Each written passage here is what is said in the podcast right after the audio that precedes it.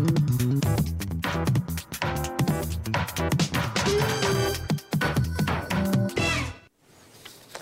Dobrý den u partie televize Prima, kterou pro vás živě vysíláme z Lichtenštejnského paláce. Mými hosty u první květnové partie jsou dnes pan Adam Vojtěch, ministr zdravotnictví zahnutí. Ano, dobrý den, pane ministře. Dobrý den. A pan Milan Kubek, prezident České lékařské komory. Dobrý den i vám, pane prezidente. Dobrý den vám i všem divákům. A pane ministře, já musím začít u těch čísel. Ve čtvrtek přibylo nemocných výrazně oproti těm předchozím dnům. Teď jich zase výrazně ubylo, ale také se výrazně méně testuje. Proč? Ono to tak je, když se podíváme na ty předchozí týdny, relativně cyklicky se to opakuje, to znamená v průběhu všedních dní se testuje více, o víkendu, o svácích méně, méně lidí chodí do těch odběrových míst, takže eh, tak toto je. Ale když se podíváme eh, v poměru třeba, kolik se testovalo lidí včera, eh, tak poměrně stejný počet byl třeba před týdnem, ale bylo více záchytů. Takže poměrově skutečně se zdá, že ten počet pozitivních pacientů klesá. Ty Eh, čísla, o kterých hovoříte, eh, které byly, myslím, ze čtvrtka, eh, tak my jsme se na to dívali. Není to nic epidemiologicky závažného, jsou to spíše nějaké kontakty stávajících pozitivních pacientů, takže nic zásadního se v tomto směru neděje. Ale zájem Čechů o testování klesá, jak to chápu. Zdá se, že ano, ale ono to je dáno tím, že zkrátka obecně méně eh, záchytů, to znamená i třeba méně kontaktů těch pozitivních pacientů. Na druhou stranu my chceme teď udělat trošku novou strategii, kterou chceme představit od příštího týdne a ta bude spočívat v tom, že chceme plošněji testovat právě v těch zasažených regionech, protože my už dneska nemáme celostátní problém, máme regiony, které nejsou prakticky zasaženy vůbec, třeba Jižní Čechy, ale máme tady Domažlicko, máme tady Chebsko, eh, Karlovarský, Plzeňský kraj a tam chceme skutečně vyslat akční týmy, které budou testovat plošně plošně tamnější populaci a to bychom chtěli ve spolupráci s armádou zahájit a tím by se také mohl navýšit počet testovaných. Pokud si můžu dovolit být osobní, s jakými vy pocity eh, ráno čekáte na ta čísla, protože je to zrádné, ta změna, která teď nastane v české společnosti, to rozvolňování se projeví až po několika dnech a týdnech, je to velmi zrádné. Jste pořád optimista? Tak zatím mohu být optimista, protože eh, my jsme hodně čekali na výsledky Velikonoc, na rozvolnění třeba i těch eh, často kritizovaných hobby marketů. Tam nevidíme nějaký zásadní eh, problém, ale samozřejmě tak, jak se rozvolňuje stále více farmářské trhy, podobně teď ty velké provozy, chystají se kadeřnictví a tak dále, tak samozřejmě s každým takovýmto rozvolněním existuje určité riziko, že dojde k nárůstu počtu těch pozitivních pacientů a proto to sledujeme prakticky na denní bázi. Ta čísla se aktualizují třikrát denně a uvidíme. Ale zatím naštěstí tedy eh, žádný negativní, zásadně negativní trend nepozorujeme. Pane doktore Kupku, vy jste optimista? No, já se řídím heslem, že člověk by měl e, doufat v to nejlepší, ale připravovat se na nejhorší. To znamená, my jsme teď získali určitý oddechový čas a e, získali jsme ho proto, že vláda měla odvahu zavést velice rychle, poměrně drastická opatření omezující mezilidský kontakt. Díky tomu ten nárůst epidemie u nás nebyl tak explozivní jako v Itálii, ve Španělsku, kde dostali tu ránu bez varování, nebo v Británii, kde tamní vláda v čele s nezodpovědným premiérem Johnsonem věc bagatelizovala, nebo ve Spojených státech, kde prostě jednání Donalda Trumpa je naprosto nepochopitelné z lidského hlediska. Eh, takže my jsme měli díky tomu obrovskou výhodu, eh, ale teď je třeba, aby jsme tu výhodu skutečně, skutečně využili, protože ten virus eh, mezi námi je a v momentě, kdy se ta opatření budou rozvolňovat a teď se rozvolňují, tak pravděpodobně dojde k nárůstu počtu nemocných a my musíme mít zdravotnictví připravené. To znamená, není možné eh, najednou si říct, že je všechno v pořádku. Ta čísla se musí bedlivě sledovat, zdravotnictví se musí připravovat, to znamená stále musí být vyčleněná kapacita, eh, musíme dobybavovat eh, nemocnice, musíme mít kvalitní ochranné pomůcky, nemůžeme být závislí na tom, co dovezeme z Číny a tak dále. Prostě musíme využít ten čas a já bych byl rád, aby ta určitá míra solidarity a ohleduplnosti, která mezi lidmi byla a na začátku byla obrovská. A já bych chtěl poděkovat třeba zaměstnancům sociální zařízení, protože to jejich sebeobětování, když oni prostě třeba měsíc eh, bivakovali eh, ve zdravotnickém zařízení nebo sociální zařízení se svými klienty, aby je uchránili před tou infekcí. To je prostě něco obrovského. Ale v současnosti vnímám stále narůstající počet lidí, kteří se chovají sobecky, protože ta rouška je prostě obtěžuje, tak oni prostě ty roušky nenosí, pobíhají někde po cyklostezkách, prskají na ostatní a tak dále. A ta, ty plány těch rozvolňovacích opatření, které vnímám jako naprosto chaotické a spíše jako výsledek určitých lobistických ekonomických tlaků, nikoliv jako výsledek nějaké rozumné, racionální úvahy epidemiologů, kteří od nich mimochodem dávají do značné míry ruce pryč, tak to ve mně zbuzuje samozřejmě obavy a určité mrazení v zádech. Pane ministře, pojďte na to reagovat.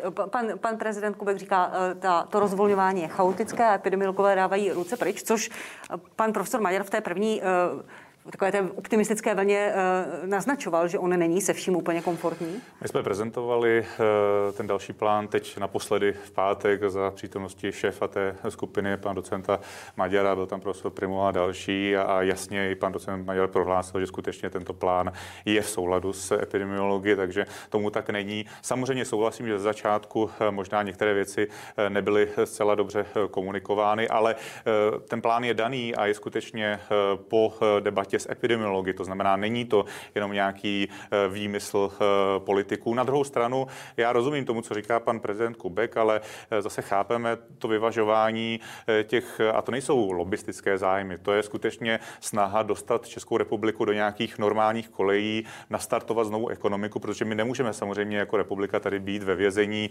uzavření těmi restriktivními opatřeními příliš dlouho, protože by to znamenalo fatální důsledky. Takže musíme vyvažovat, řekněme, ty oblast, tu oblast epidemiologickou eh, s tou oblastí na startování ekonomiky. A to si myslím, že se daří. Vidíme, že na číslech skutečně se zatím neukazuje, že by tady byl nějaký zásadní problém. To je třeba říci, že ta epidemiologická situace stále je klidná, ale uvidíme. A my jsme si jasně řekli jako ministerstvo zdravotnictví, že tam máme určitý uh, disclaimer, řekněme určitou uh, pojistku, že pokud by se ta epidemiologická situace zhoršila, tak zbrzdíme to rozvolňování, případně ho zastavíme, protože skutečně nechceme riskovat, že by tady byly nějaké fatální nárůsty počtu pacientů, třeba i v nemocnicích. Epidemiologická situace. Pane ministře, eh, můžete nám říct, nějaký exaktní údaj, kdybyste zase tu republiku přiškrtili a to rozvolňování zastavili? Číslo, počet nakažených. Existuje něco takového, na co se my můžeme jako veřejnost zaměřit? Ono těch údajů je vícero. Eh, jednak je to ten absolutní počet eh, pozitivně eh, testovaných. Skutečně pokud bychom viděli, že roste po stovkách, my jsme hovořili třeba i pan profesor Pimula o nějakém číslu 400, pokud by skutečně... Je 400 takové... za den a opět by se ano, to pokud by to bylo takové mhm. to číslo, tak bychom samozřejmě museli to zvážit, ale máme tam i otázku reprodukčního čísla, které je dneska na čísle 0,7, to znamená víme... Být, abyste znovu, znovu přistoupili k opatření. Tak kdyby bylo třeba na dvou, tak si myslím, že my jsme začínali vlastně na 2, 0,64 eh, tuto, tuto pandemii. Dnes jsme na eh, 0,7, takže víme, že ta nemoc se reálně moc příliš nešíří, takže pokud by byla někde na dvou, tak by to byl problém. Ale pak, co je pro mě obrovsky důležité a klíčové, je eh, počet hospitalizovaných pacientů a těch pacientů v těžkém stavu. A tady naštěstí nám ten počet také klesá. My jsme i včera měli historicky snad nejnižší počet hospitalizovaných pacientů, někde kolem 300. Měli jsme tady 450 v minulosti. Takže pokud by nám rostl počet hospitalizovaných pacientů, těch pacientů, kteří potřebují intenzivní péči, eh, zaplňovaly by se nám jednotky intenzivní péče, tak to by pro mě osobně byl největší signál něco eh, dělat, protože skutečně eh, my musíme ochránit hlavně nemocnice. Aby, to číslo, aby ta čísla nerostla, jednak 400 pacientů za den, reprodukční číslo a tak dále, tam spoleháte na asi odpovědnost lidí, jak to nazval pan profesor Pinula. Zrušili jsme tu kolektivní, teď je to na vás, nebo? No, tak samozřejmě to tak je, protože, jak, jak o tom hovořím, my nemůžeme samozřejmě pod těmito plošnými restriktivními opatřeními žít měsíce nebo, nebo roky. Takže my dnes, a to souhlasím s panem prezidentem, jsme učinili ta opatření včas a tím pádem ta epidemiologická situace u nás je dobrá, ale na druhou stranu nyní je to na odpovědnosti každého z nás a jsou tři základní, eh, tři základní pravidla. Nosit roušku, dodržovat eh, sociální odstup eh, dva metry a dodržovat hygienu rukou. A pokud toto lidé budou dodržovat, tak věřím tomu, že to zvládneme. Pane doktore, bude, budou to Češi dodržovat? Z vaší zkušenosti jako lékaře internisty. Máte velkou zkušenost z toho, jak s tím, jak Češi přistupují ke svému zdraví. Věří to v to, že to bude fungovat? Tak eh, já bych navázal na pana ministra. Reprodukční číslo dvě je katastrofa, protože to znamená, že jeden člověk nakazí dva, ty dva čtyři, ty čtyři osm, těch osm šestnáct a během měsíce zde máme sta tisíce nemocných. To je prostě katastrofa, pane ministře. Hmm. To se musí samozřejmě zastavit v momentě, kdy se budeme blížit číslu jedna. Jakmile přesáhneme a tak to zásadním způsobem, tak jsme prostě úplně na začátku. A celá ta opatření, a to je to, co chci zdůraznit. My jsme tady zbrzdili ekonomiku na mnoho týdnů A my to prostě teď nesmíme pokazit. My prostě nesmíme být netrpěliví, protože pokud to pokazíme a bude muset vláda šlápnout na brzdu po druhé, tak za prvé otázka, bude mít odvahu udělat to po druhé, budou lidé ochotní po druhé toto znovu respektovat, když si řeknou, když to stejně nemělo žádnou cenu. To, to jsou ty základní otázky. A vzhledem k tomu, že zdravotníci jsou skupinou, která je nejvíc postižena, 11% všech eh, případů jsou zdravotníci. My máme 172 pozitivních lékařů, nebo kteří byli pozitivní postupně, 358 sester. Dvě zdravotní sestry v souvislosti s tou nemocí zemřely. A my tady prostě nechceme Itálii, kde zemřelo 145 lékařů. My nechceme Španělsko, kde mají 18 tisíc nakažených zdravotníků. A zdravotnictví je tedy v první linii a proto zdravotníci samozřejmě nelibě nesou to. A vy jste říkal, pane ministře, že ty, ta opatření e, nejsou chaotická. Tak mi prosím vysvětlete, proč od 11. května mohou pubertáci chodit do kina, ale nesmí chodit do školy nebo nemohou chodit do školy. To je přeci úplný nesmysl. Je to výsledek nesmyslných lobistických tlaků. A já doufám, že lidé budou chytřejší než vláda a že lidé prostě nebudou chodit do kina, že prostě se budou chovat rozumně, ale samozřejmě mezi námi jsou lidé nerozumní, lidé sobečtí a tak dále, kteří neberou ohled na ty staré a nemocné. A mě mrzí to, že se ten přístup tady zásadním způsobem mění a mění se účelově. Já jenom připomenu, ze začátku se říkalo, eh, použijeme model jako na Tajvanu. Všichni lidé budou dostávat domů roušky a budeme nosit povinně. Vláda roušky nařídila, nezařídila. Češi byli fantastičtí, roušky jsme si ušili, začali jsme je nosit. Za druhé se říkalo, že musíme testovat aspoň 20 tisíc testů denně. Teď se pohybujeme v optimální fázi uprostřed týdne kolem 10 tisíc, rozhodně ne 20 tisíc. Dále se říkalo, že od Velikonoc budeme mít chytrou karanténu a to nám umožní ta opatření rozvolňovat. Na Velikonoce jsme neměli nic, měli jsme experiment, ale rozvolňovali jsme. Pak jsme si říkali, že uděláme nejprve tu studii promořenosti, kdy byly určité takové hm, fantastické nápady, že třeba budeme mít 20, 30, 40% promořenost, což se ukazuje, že je nesmysl, protože budeme mít ve skutečnosti pod 2% tak jako v jiných státech. Ale na tuto promořenost se vázalo zase další rozvolňování. Pak najednou se na to zapomnělo, protože ta čísla prostě nevídou dobře, vyjde ta promořenost velmi malá, ale my přesto rozvolňujeme. A mě prostě mrzí to, že s těmi exaktními daty se zde zachází tak, jak se to prostě politicky hodí. A je to, je to populismus. Já doufám, že to vyjde. Já doufám, protože se říká, že blázni mají štěstí. Tak já věřím, že budeme mít štěstí i po druhé. Tak pane ministře, pojďte reagovat. Eh, eh, možná odpověste panu Kupkovi, jaký smysl dává to, že pubertáci mohou jít do kina, ale nemohou jít do školy a ve třídě může být 15 dětí a na svatbě pak 100 lidí. Tak protože, pro, promiňte, ty otázky si kladu i já a velká část veřejnosti. Není to, to prostě to chaotické, nesmyslné? Není to chaotické, nesmyslné. Za prvé je třeba říct, že tam je maximálně eh, počet 100 lidí, eh, musí být eh, vlastně rozestupy mezi, mezi těmi lidmi, musí tam být ten sociální distanc zachován. A to samozřejmě je něco, co ve škole nejste schopni zařídit. Promiňte, Proto my... promiňte, na svatbě 100 lidí. Jste to schopni zařídit? Sociální distanc na svatbě, na které je 100 lidí? Na svatbě tam je, tam je výjimka. Tam samozřejmě to je jasné. Svatba stejně jako pohřby tam, ministře, tam je výjimka. Ale pozor, ale virus žádné výjimky nebere.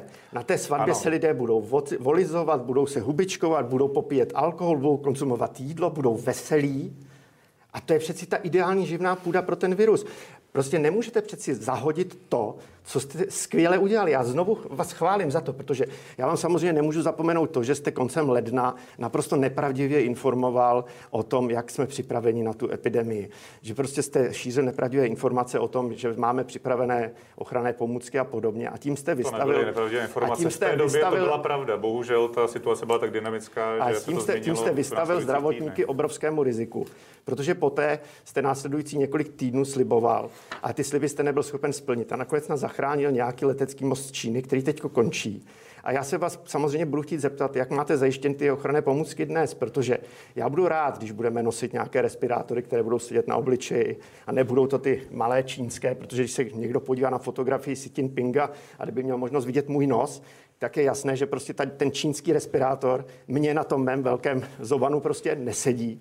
A nám tady všude kolem se dostává vzduch. A ty pomůcky sice jsou testovány, ale splňují tu normu pouze, jak si když jsou přilnuté na obličej. Znamená, když se přilepí na tu figurínu zkušební, tak fungují. ale nám prostě na tom obličeji my si těžko můžeme lepit izolepou. Že? A to jsou věci, které musíme teďko okamžitě řešit. To znamená, my potřebujeme fungující ochranné pomůcky a pak můžeme teprve něco, něco rozvolňovat. Tak, pane ministře, pojďte odpovědět na to, co já jsem vás umluvám, se přerušila k tomu, eh, že toto rozvolňování je, je jak, jakýmsi způsobem nelogické a jsou tam výjimky, které prostě nedávají smysl není nelogické. Znovu říkám, u těch škol tam je to specifikum v tom, že ve škole nemůžete zajistit eh, tento sociální distanc. Tam zkrátka eh, nezajistíte to, že ty děti budou mezi sebou dodržovat eh, dva metry rozestupy a podobně. Takže je jasné, že jakmile pustíte naplno školy, tak ten virus se bude, bude šířit, ti děti to budou zanášet do domácností, na rodiče, na prarodiče. Takže proto jsme s těmi školami opatrnější. Na druhou stranu pan ministr minister Plaga jasně řekl, že od 11.1. se začnou uh, uvolňovat deváté třídy, poslední ročníky střední školy, aby se eh, žáci mohli připravovat na zkoušky, na, na, na maturity a od 25.5. pak první stupeň a pokud vše dobře půjde, tak i druhý stupeň od, od června na nepovinné bázi, protože je jasné, že v té situaci, v jaké jsme, asi se nedá očekávat, že rodiče eh, budou všech, všichni ochotni dávat děti, děti do škol. Takže jenom abych vysvětlil, proč s těmi školami jsme trošku obezřetnější, eh, protože tam skutečně, pokud bychom je pustili, tak je jasné, že ten virus se bude šířit, tam nezajistíte eh, ty pravidla. A u těch ostatních akcí, tam jsme jasně řekli, a to řekli epidemiologové, skutečně znovu říkám, to není rozhodnutí politiků, to eh, navrhla skupina pod docentem Maďarem, že je maximální počet 100 lidí za přísných podmínek. V divadlech každá druhá řada obsazená. Stejně tak v kinech mezi, mezi lidmi jedno, jedno, jedno sedlo volné. Takže tato pravidla budou jasně přísně vyžadována vyžadována a v tomto směru eh, epidemiologové souhlasili s tím, že je možné takovéto akce rozvolnit. Plán na cestování. Pan ministr Petříček včera řekl, že od července budeme možná moc do Řecka, na Maltu, eh, od srpna do Kanady, do Japonska. Vy jste s tím jako vláda už, už nějakým způsobem souhlasili, vy jako minister zdravotnictví s tím, s tím jste v pohodě? Já si myslím, že to je zatím názor pana, pana ministra Petříčka. To, Stane že se, se to podle vás? Uh, já myslím, že to teď nedokáže nikdo stoprocentně říci, protože bude, bude, bude záležet na epidemiologické situaci v těch daných zemích. Tak eh, samozřejmě, pokud jde o nějaké méně rizikové země, hovoří se právě o, o Řecku, o Chorvatsku a tak dále, tak tam si myslím, že to je možné vyjednat stejně jako s našimi okolními eh, sousedy. Ono eh, vlastně je to tak, že hranice už nesou otevřeny. Ten problém není ani tak na naší straně. Lidé mohou cestovat, ale ten problém je, aby vůbec ty země přijali vlastně nebo na své území cizince. A to je ten problém, že skutečně není problém cestovat, ale je problém v tom, že řada zemí má eh, uzavřený přístup pro cizince. Takže to bude záležet skutečně nejenom na nás, ale i na těch ostatních zemích, jestli eh, toto povolí. A to, a to dnes nevíme, to dnes nedokážeme A to, říct. co už naznačil pan, pan prezident Kubek, je vláda už připravená na případnou druhou vlnu nákazy? Máte nějaký plán? Budeme mít dost pomůcek? Budou mít lékaři dost pomůcek? Nebo je budeme zase draze nakupovat z Číny? Pan Hamáček bude zařizovat letecký most? Jak to bude fungovat? Tak eh, pokud mluvím za ministerstvo zdravotnictví, my jsme teď ukončili ukončili nákup, ale máme eh, zásoby na následující dva měsíce. Mimo jiné zásobujeme i ambulantní specialisty, praktické lékaře, stomatology a tak dále, což eh, nejenom nemocnice, my jsme zajistili právě eh, pro terén ochranné pomůcky. A na následující dva měsíce máme, máme tyto zásoby, ale na druhou stranu je asi nesmysl očekávat, že takovýto systém centrálního nákupu na ministerstvu zdravotnictví, což byl skutečně krizový režim, bude probíhat následující roky. Musí to být tak, že nyní se zavedou standardní dodavatelsko-odběratelské vztahy, standardní dodavatelé zdravotnického materiálu, stejně jako před krizí budou dodávat eh, lékařům a nemocnicím tyto ochranné pomůcky. Samozřejmě, pokud by došlo k nějaké krizové situaci, eh, tak bychom znovu museli eh, nahodit tento krizový mechanismus. Ale ty nákupy byly skutečně řešeny pouze po, po dobu stavu nouze, nouzového stavu. To nemá být standardní režim, ale nyní na následující dva měsíce ty ochranné prostředky jsou a slouží to, řekněme, tyto, ten, tento čas na určité přechodné období, aby se zavedly standardní mechanismy, kdy si eh, zdravotníci eh, nemocnice začnou nakupovat tyto ochranné pomůcky Promiňte, sami. Jenom, jenom pro doplnění, jestli vám rozumím, ta, ta druhá vlna by mohla přijít až na podzim, jak uh, upozorní někteří epidemiologové. To by se zase řešilo pod tlakem v nějakém krizovém režimu? Tak my samozřejmě, pomůcek a ne, zabezpečení ne, my samozřejmě se obyvatel? poučíme například tím, že chceme navýšit zásoby ve správě státních hmotných rezerv výrazně, abychom byli schopni vlastně vykrýt třeba nějaký ten nárůst výrazný, pokud by tady byla nějaká druhá vlna. Takže to je i pro nás určité ponaučení. Je třeba znovu říct, že tady nikdo nikdy takovéto situaci nečel a my jsme řadu věcí stavěli vlastně na zelené louce, celý systém hlášení dat, ochranné pomůcky a tak dále. Takže dnes už máme tu zkušenost, stejně jako ji mají třeba azijské země, které prošly SARSem a podobně, nebo MERS, a můžeme na tom stavět a myslím si, že budeme mnohem lépe připraveni právě pro nějakou druhou vlnu, která nastane třeba na podzim, ale třeba také ne, to dnes nedokáže hmm. nikdo říci. Pane prezidente, jsou lékaři připraveni na případnou druhou vlnu a tak, jak posloucháte pana ministra, budou dostatečně, nebo budeme znovu opakovat ten scénář, který jsme zažili teď v březnu? Tak zdravotnické zásobování nefunguje v současnosti. Eh, já jako soukromý lékař eh, mám firmu, se kterou spolupracuji a díky tomu, že oni mě mají jako svého klienta, tak jsou ochotní mi něco prodat ale velice limitováno, to znamená pro dvě ambulance jsem si mohl objednat jednu dezinfekci na ruce, jednu dezinfekci na povrchy, eh, potřebuji dezinfekci, kupuji si u benzínové pumpy, eh, nemáme možnost nakoupit si roušky, rukavice, na příděl jedna krabice bez ohledu na velikost. Takže nalíme si čistého vína. Zdravotnické zásobování prostě nefunguje. A teď myslíte, jak, jaké zasobování? Jako, že bych normálně jako soukromý lékař si mohl objednat od eh, komerční firmy, že mi dodá, tak jako mi dodávala léta, ochranné prostředky, které já potřebuji. Prostě nemůžu, protože jsou na příděl, nejsou, nejsou dostatečné množství, nejsou v dostatečných velikostech a výrazně stouply jejich ceny. Dobře, já bych se ještě vrátil k jedné věci. Víte, mě takové ty fantasmagorické plány o nějakém cestování a tak připadají prostě na jednu stranu tragické, na druhou stranu úsměvné. Byly to právě například cestovní kanceláře, které odmítly eh, včas zatáhnout za záchrannou brzdu a dál prostě pouštili lidi do Rakouska a do Itálie v situaci, kdy tam virus byl. Já jsem 3. března pana premiéra Babiše důrazně žádal na jednání, pan ministru toho byl, ať prostě dá vláda záruku, lidem, že nepřijdou o peníze, že po nich nikdo nebude vymáhat storno poplatky a ať za žádnou cenu ty lidi tam nepouští. Ještě týden naši lidé jezdili do Itálie, do takzvaných v uvozovkách bezpečných zón, kde ale v té době už zuřila epidemie. Další věc jsou pendleři. Zase věc, která mě velmi mrzí, protože ukázalo se, že pendleři tvoří rizikovou skupinu, že to je prostě ta skupina, která nám sem tu nákazu dovlíká. Hlavně z Bavorska, kde byla situace velmi komplikovaná. My jsme 14 dní apelovali a já jsem jednal s premiérem, s ministrem vnitra Hamáčkem na to, aby prostě zarazili nějak pendlery. Byl to obrovský lobistický tlak, že to prostě nejde. A dneska, když se podíváte na mapu, kde máme nejhorší situaci, Karlovarský kraj, Domažlicko, tam na počet obyvatel je to nejhorší. A díky tomu, že zdravotnictví v Karlovarském kraji je v nejhorším stavu, tak pravděpodobně tam také je největší úmrtnost na tu epidemii. Protože prostě zase nalíme si čistého vína, pane ministře, zdravotnictví v dobrém stavu není. Zdravotnictví zajišťovalo dostupnost zdravotní péče pouze díky porušování zákonníků práce a nedodržování vyhlášky o minimálním personálním standardu. A to i v normálním stavu. V situaci, kdy máte třeba průměrný věk praktického lékaře 58 let, tak co můžete od těch lidí zásadním způsobem očekávat? Já jsem strašně rád, že se podařilo udržet v chodu ambulantní sektor, že lékaři své ambulance plošně nezavřeli, že neutekli ze zákupu, abych tak řekl, že prostě zůstali, byli k dispozici distanční formou. A bylo to na základě výzvy České lékařské komory, která 18. března udělalo to, to, co jste neudělal vy. My jsme řekli prostě ambulantním lékařům, nezavírejte ordinace, vyzvali jsme lidi, nechoďte k lékaři, bez předchozího telefonického kontaktu a telefonického udělali, objednání. Musím říct, ale to je... Nechám reagovat pana ministra. Pane ministře, připouštíte vy jako minister zdravotnictví nebo možná za vládu nějakou chybu? Pan Kubek tady zmínil uh, to, že vláda nevydala zákaz cestování, zmínil pendlery a tak dále. My pozdě, jsme... Všechno bylo pozdě. Tyhle věci byly pozdě. Ano, všechno bylo pozdě. A tyhle, věci, jsme... ty, tyhle věci byly pozdě, ano. pane ministře. My, my jsme samozřejmě na začátku, eh, to nebyl zákaz, protože ta situace ještě skutečně nebyla tak vážná, ale byl to apel. A víte, že já jsem opakovaně apeloval i pan premiér, tedy na tiskových konferencích. Sklízeli jsme za to poměrně i posměšky, eh, že zkrátka eh, apelujeme na to, aby lidé necestovali a podobně. Velmi tak dobře vláda řekla, nedoporučujeme cestovat ano, ano, do Itálie, ale lidé měli zaplacené dovolené a poslechli by pouze na základě nějakého zákazu.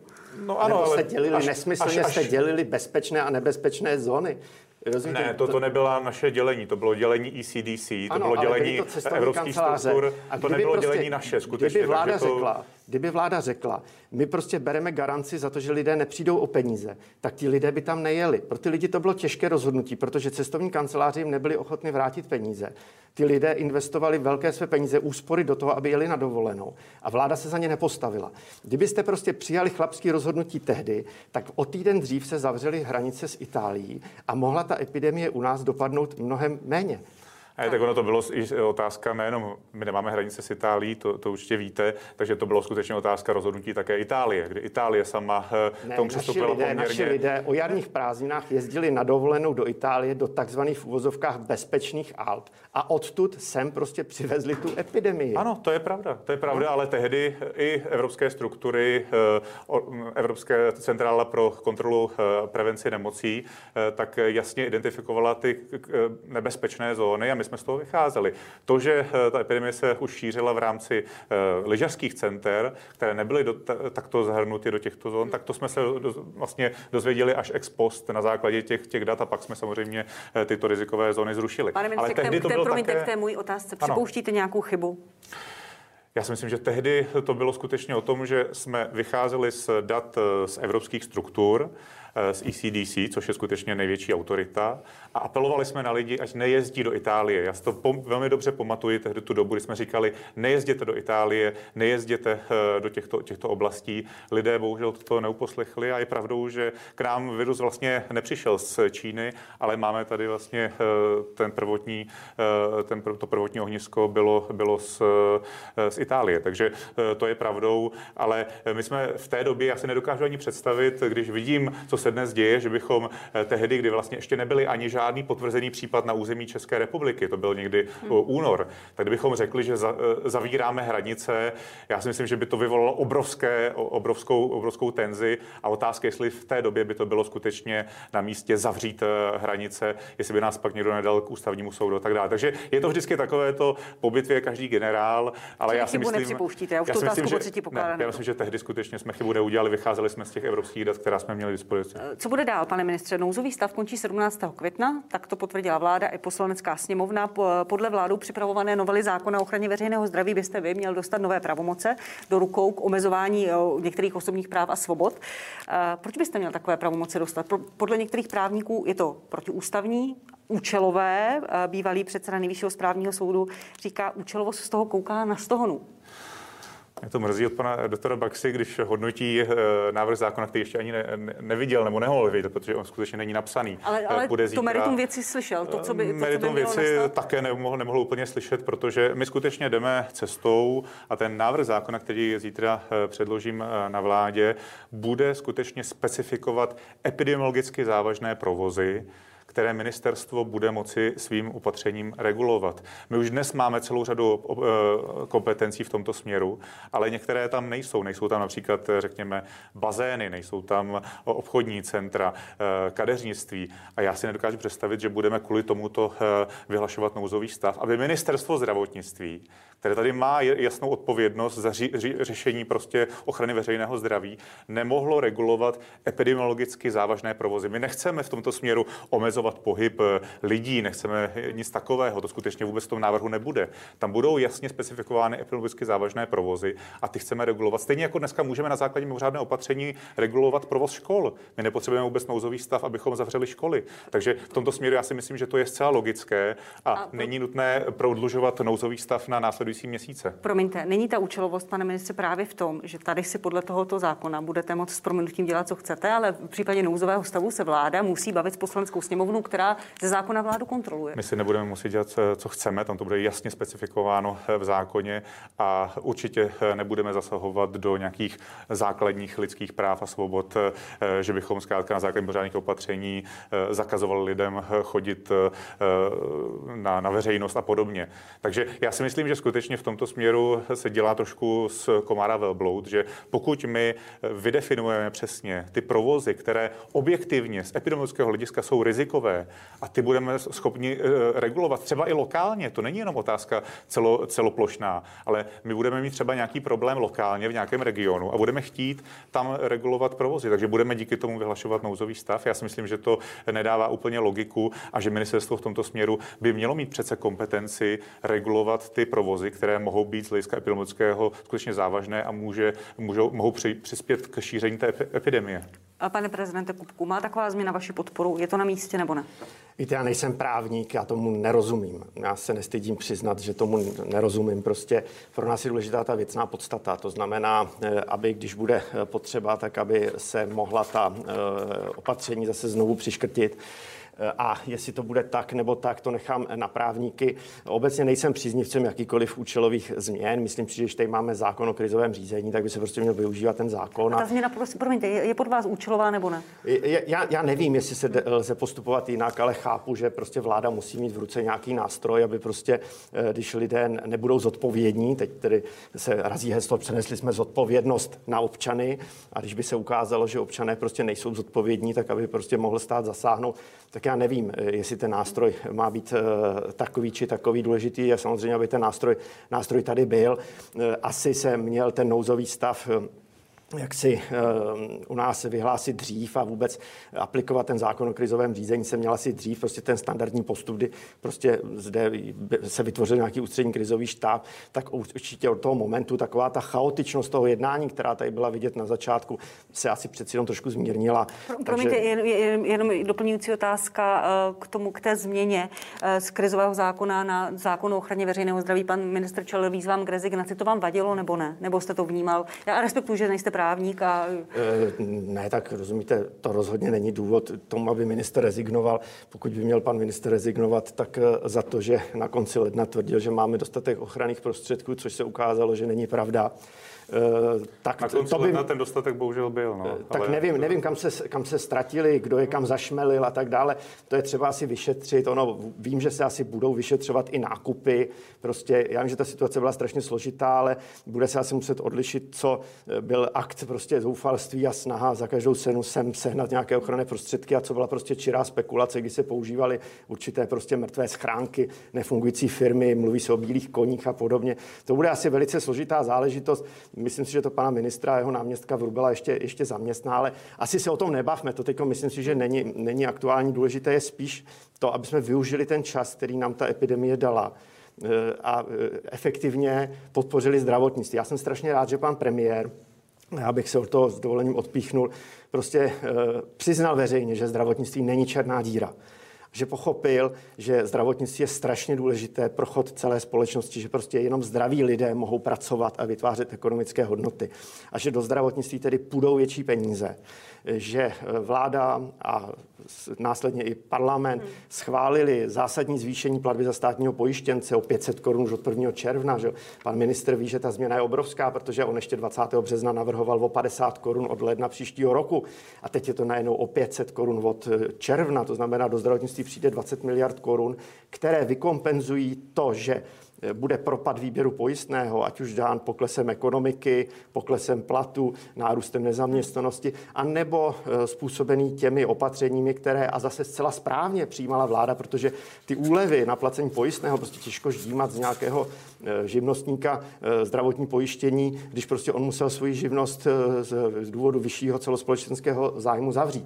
Takže to je strašně důležité, ale musí následovat samozřejmě i ty další kroky. To znamená, aby jsme ty peníze dostali eh, k lidem, kteří ve zdravotnictví pracují. Ty prostě nesmí profrčet do nějaké farmaceutické firmy, nesmí se utopit v betonu, protože všechno jsme schopni sehnat. I ty ventilátory dokázaly naše firmy začít montovat, ale nejsme schopni naklonovat zdravotníky.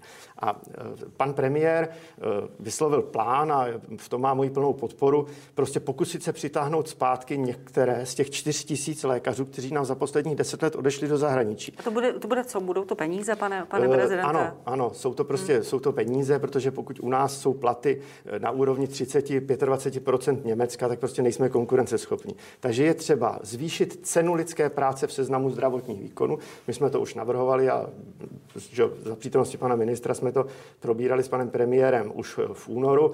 Bohužel pan ministr to nepodpořil, ten, ten plán.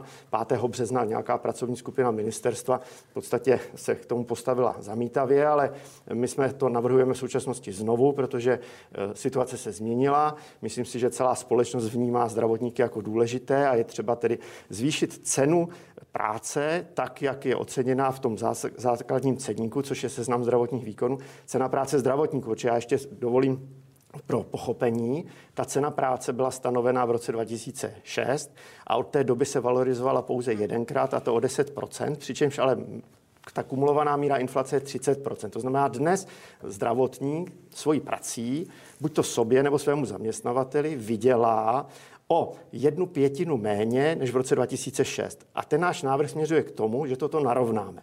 A potom následuje třetí stupeň a to je úhradová vyhláška, která řekne, jak se co bude platit, která služba.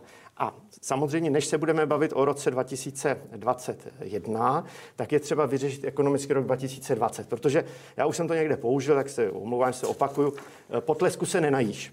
Já jsem prostě strašně rád, že zdravotníkům veřejnost tleská, ale je třeba, aby také se zajistilo, že ekonomicky zdravotníci na tu celou krizi nedoplatí. To znamená, tak. že nepřijdou o peníze, které měli dostat, protože zdravotníci jsou trošku jako hasiči. Prostě nemůžete platit hasiče jenom když hoří. Prostě musíte ocenit tu připravenost toho systému zasáhnout v té krizové situaci. Tak jako když prostě začne hořet, tak hasiči hmm. vyjedou, tak když prostě je pro- problém, tak jsou zde zdravotníci, kteří lidem pomáhají. Pa, uh, pane prezidente, pojďme, pojďme postupně, až se dostaneme k úhradové vyhlášce. Uh, pane ministře, vláda slibovala zdravotníkům odměny za to, že budou bojovat s COVID-19, uh, odměny za ta rizika s tím spojená. Už se velmi ostře, byť diplomaticky, ozvali odboráři, kteří trošku mají podezření, že jim ty peníze nechcete dát všem. Vyvolává to podezření i u mě. Splní vláda ten slib? Nebo to budou tak... pouze lékaři, kteří pracují eh, ve, ve fakultních nemocnicích nebo jiných eh, zařízeních, která ve, spadají ve, přímo pod vás? Ve státních nemocnicích. Tak já jsem vydal tento pokyn uh, mým nemocnicím, protože to jsou nemocnice, které zřizuje ministerstvo zdravotnictví a mám tam přímý uh, dopad. To znamená, když dám pokyn ředitelům, tak oni ho musí splnit. U ostatních nemocnic to budeme muset řešit skrze právě tu úhradovou vyhlášku, protože ministerstvo samo nedisponuje vlastně finančními prostředky. My řešíme tu věc skrze úhrady od zdravotních pojišťoven a proto musíme udělat teď změnu úhradové vyhlášky, která bude znamenat to, co říká pan eh, prezident Kubek. To znamená... Pro, pro, promiňte, čili lékaři, kteří jsou ve státních nemocnicích nebo v těch, které, eh, které spadají přímo pod vás, ty peníze dostanou a ti to ostatní v krajských je... nemocnicích budou čekat na změnu úhradové ne, ne, vyhlášky. Oni je také musí dostat samozřejmě od svých zřizovatelů, od svých ředitelů, protože my těm nemocnicím na to jste, nedáme jste, peníze. Chápu, Oni že... budou všichni je mít z úhradové vyhlášky stejně jako naše nemocnice, ale jde o to, že kdo ty nemocnice řídí. A vy už my, my řídíme naše... s a tak dále. Já chápu, že vy nemáte přímý vliv na, na, na nemocnice, které zřizují například kraje, ale vy jste ministr zdravotnictví všech nemocnic. No, určitě ano, určitě ano, ale nemám ten přímý vliv eh, na odměňování v daných nemocnicích. To je zkrátka objektivní Můžete fakt. slíbit, že ty peníze dostanou i lékaři, kteří nepracují, nepracují ve státních nemocnicích? Určitě ano, a měli by je dostat, ale už nyní od, od svých nemocnic, od svých ředitelů, protože úhrady na to mají. Je třeba říci, že pojišťovny na základě dohody, kterou jsem s nimi učinil, nikterak nekrátí úhrady za péči. To znamená, oni stále dávají vlastně plné úhrady, stejně jako kdyby nemocnice šly na ten plný výkon.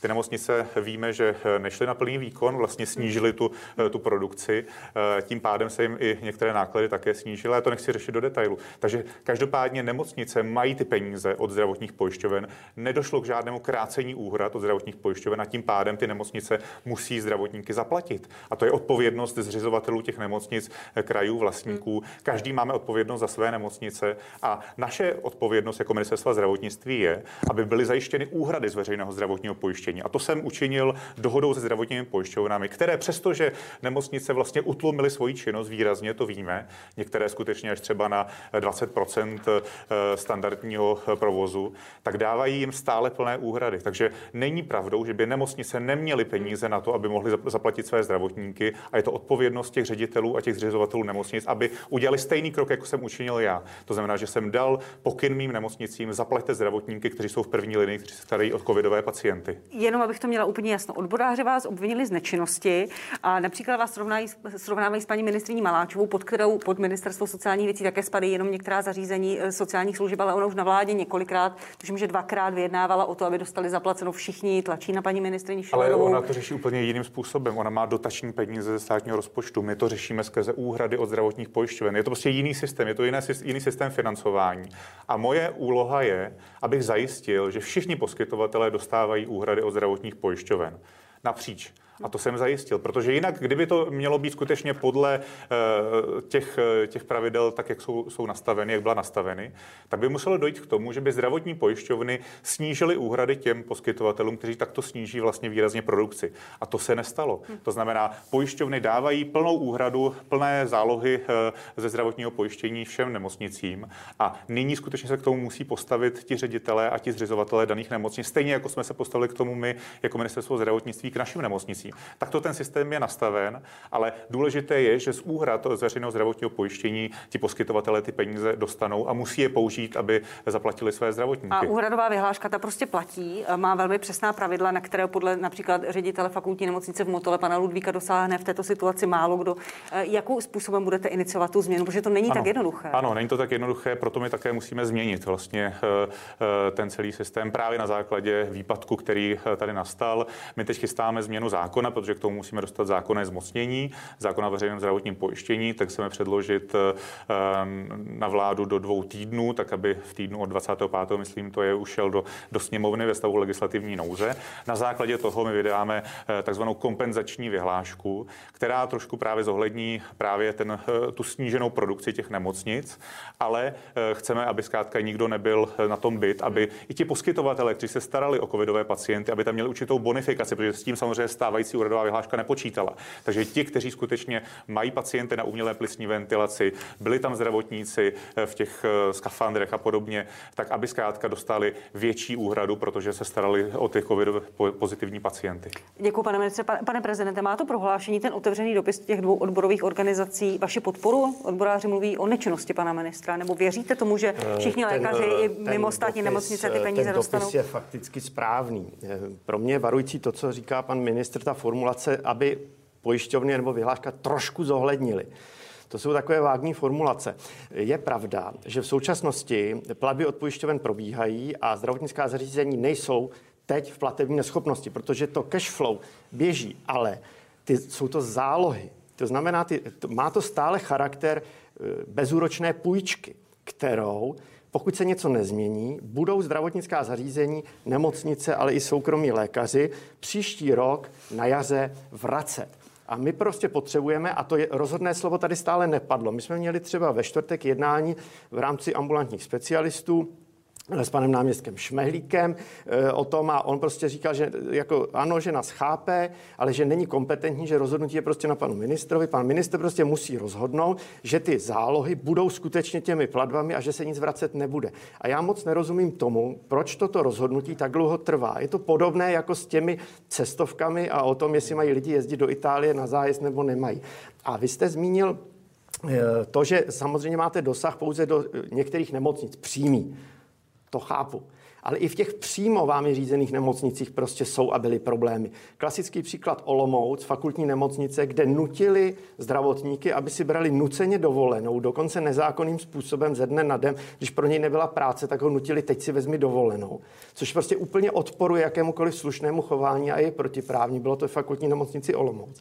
Nebo nemocnice na Homolce, kde zareagovali tím stylem, že prostě když eh, najednou není produkce, tak sebereme zdravotníkům odměny, protože prostě nesplnili tu výkonovou produkci. A to jsou vámi přímo řízené nemocnice. A ty manažeři prostě se takto bezohledně ke zdravotníkům chovají. Další příklad je nucená karanténa. Spousta zdravotníků se odstala v nucené karanténě kvůli práci. V práci byl kontakt. To znamená, oni by logicky měli mít stoprocentní kompenzaci finanční, ale řada nemocnic prostě to stavila do režimu pouze 60% kompenzace, tak jako kdyby ten člověk k, té, k tomu kontaktu přišel někde skutečně někde na dovolené. Další problém je prokazování toho, a to bude ještě velký problém, prokazování nemocnice COVID-19 jako nemoci z povolání. Protože nemocnice se brání tomu. My máme obrovský rozdíl mezi počtem infikovaných zdravotníků a těch, u kterých je zatím přiznáváno, že to je e, nemoc z povolání. A to bude ještě že obrovský... Že se nakazili v zaměstnání. Ano, to bude ještě obrovský právní problém. Eh, tohleto. Tak. Prostě potlesku se nenajíš. Já jsem strašně rád, že veřejnost vyjadřuje uznání zdravotníků, jestli, jestli, ale je potřeba, to, aby to na, mělo na, reálný potom reálný... Chápu, pojďte, on, on, on, on, on, on hovořil o těch, o těch zálohách a to je právě to, co jsem říkal díky tomu, že jsem vyjednal se zdravotními pojišťovnami, že platí ty plné zálohy, to znamená, liska cash flow, eh, nemají poskytovatelé problém, eh, byť se jim snížila produkce, tak právě díky tomu jsme zachránili to fungování no, zdravotnictví. To je v vyhlášce, tam jste ano. nemusel nic vyjednávat. No, musel, mě protože, platí, protože, protože, jako soukromého lékaře platí pojišťovny ano, pořád ale, stejně, ale pokud, tak jako mě platili jakékoliv jiné měsíce, ano, ale, ale, pokud ale nebude, pokud se takto ma, ma, pokud masivně snížila produkce, tak, tak no by ne, samozřejmě ne, tam, tam, tam mohly být právě ty problémy problémy, o kterých hovoříte, že by museli ne, zdravotníci ty zálohy vracet. No to bude, a právě, ale to, nebude, jste, to jste nebude. zatím nevyřešil. No to právě řešíme, stále se čeká. vy jste mě neposlouchal. No já vím, ale už měsíc. Ne, ne, stále ne, ne, se čeká my... na to rozhodné slovo, které bude mít právní závaznost, ano. kdy se řekne prostě, ty zálohy jsou úhrady, není to žádná pouze předběžná půjčka, protože pozor ještě, řada lékařů... Pane ministře, jenom z důvodu času pojďte mi odpovědět na to, co říkal pan Bubek, že je to pomalé, ať to neskončí jako s cestami do Itálie. Není to pomalé. My musíme, eh, protože stejně jako máme Eh, v zákoně eh, kompetenci vydat úrodovou vyhlášku, tak my musíme dát do zákona novou kompetenci pro ministerstvo zdravotnictví, vydat tuto kompenzační, řekněme, vyhlášku. Jak jsem o tom hovořil, půjde to na vládu v týdnu od 25. pak v legislativní nouzi to půjde do, do, do, do, do sněmovny. Tři, co na tom budete tři týdny dělat? Vy budete ale to čekat není moment, úplně tak, budete tak jednoduché, pane prezident. Já vím, že byste to zvládl za den, ne, ale, ale to tak budete čekat není. na moment, kdy už nebudeme mít nouzový stav a pak najednou to nepůjde? Ne, ne. Nebo hrajete takovouhle habaduru s náma? No, v žádném případě, když říkám, že... že, ne, tak to, co, že na tom, co na tom děláte tři týdny? A to není, to není dny, vázáno s nouzovým stavem, to je stav legislativní nouze, pane, pane prezidente. 14 dny už bylo všechno na stole, ta jednání probíhala už týden před 14 dny. Teď probíhala znova, ale nedošlo tam vůbec žádnému posunu.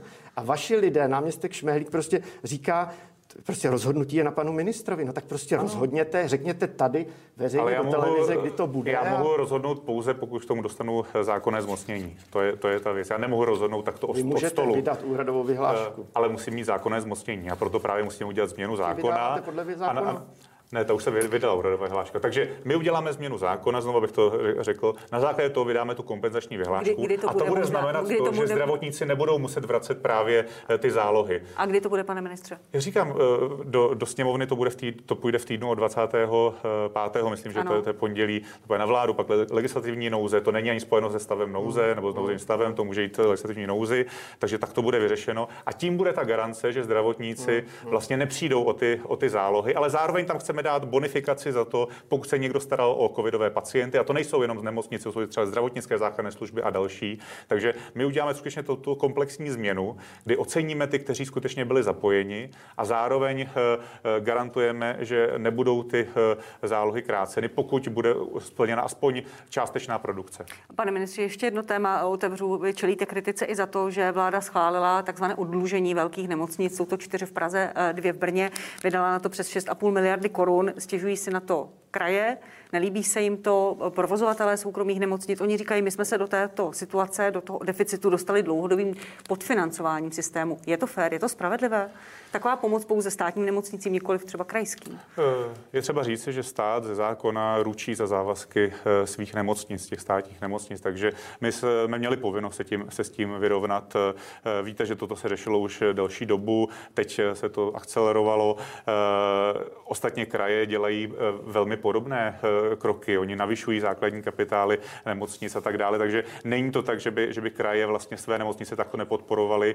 A ty nemocnice jsou státní, stát ručí za jejich závazky a tím pádem eh, jsme k tomuto přistoupili, abychom je stabilizovali. A mimo jiné, toto byly ty nemocnice, na kterých eh, leželo gro eh, péče o COVID pozitivní pacienty, jako je Bulovka, jako je Všeobecná fakultní nemocnice, Tomajerova nemocnice a tak dále. Takže myslím si, že v tomto směru je nutné, aby tyto nemocnice byly stabilizovány. Pane, pane prezidente, je to fér nebo ne? Tak to stabilizovat pouze šest nemocnic Život není fér, paní redaktorko.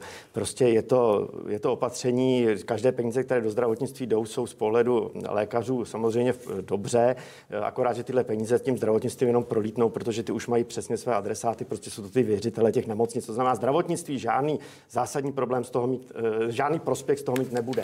Ale co je pro nás důležité, stabilitu, je, stabilitu. aby jsme měli možnost si svoji prací vydělat. A já se tedy pana ministra zeptám, podpoříte ten plán České lékařské komory na zvýšení ceny práce nositelů výkonu v seznamu zdravotních výkonů o 20%, tak jak jsem to projednával už v únoru s panem premiérem. Začátkem března jste to tedy jaksi nepodpořil. Teď je to znovu na stole. To Podpoříte to? Tak jenom z časového důvodu necháme odpovědi pana ministra.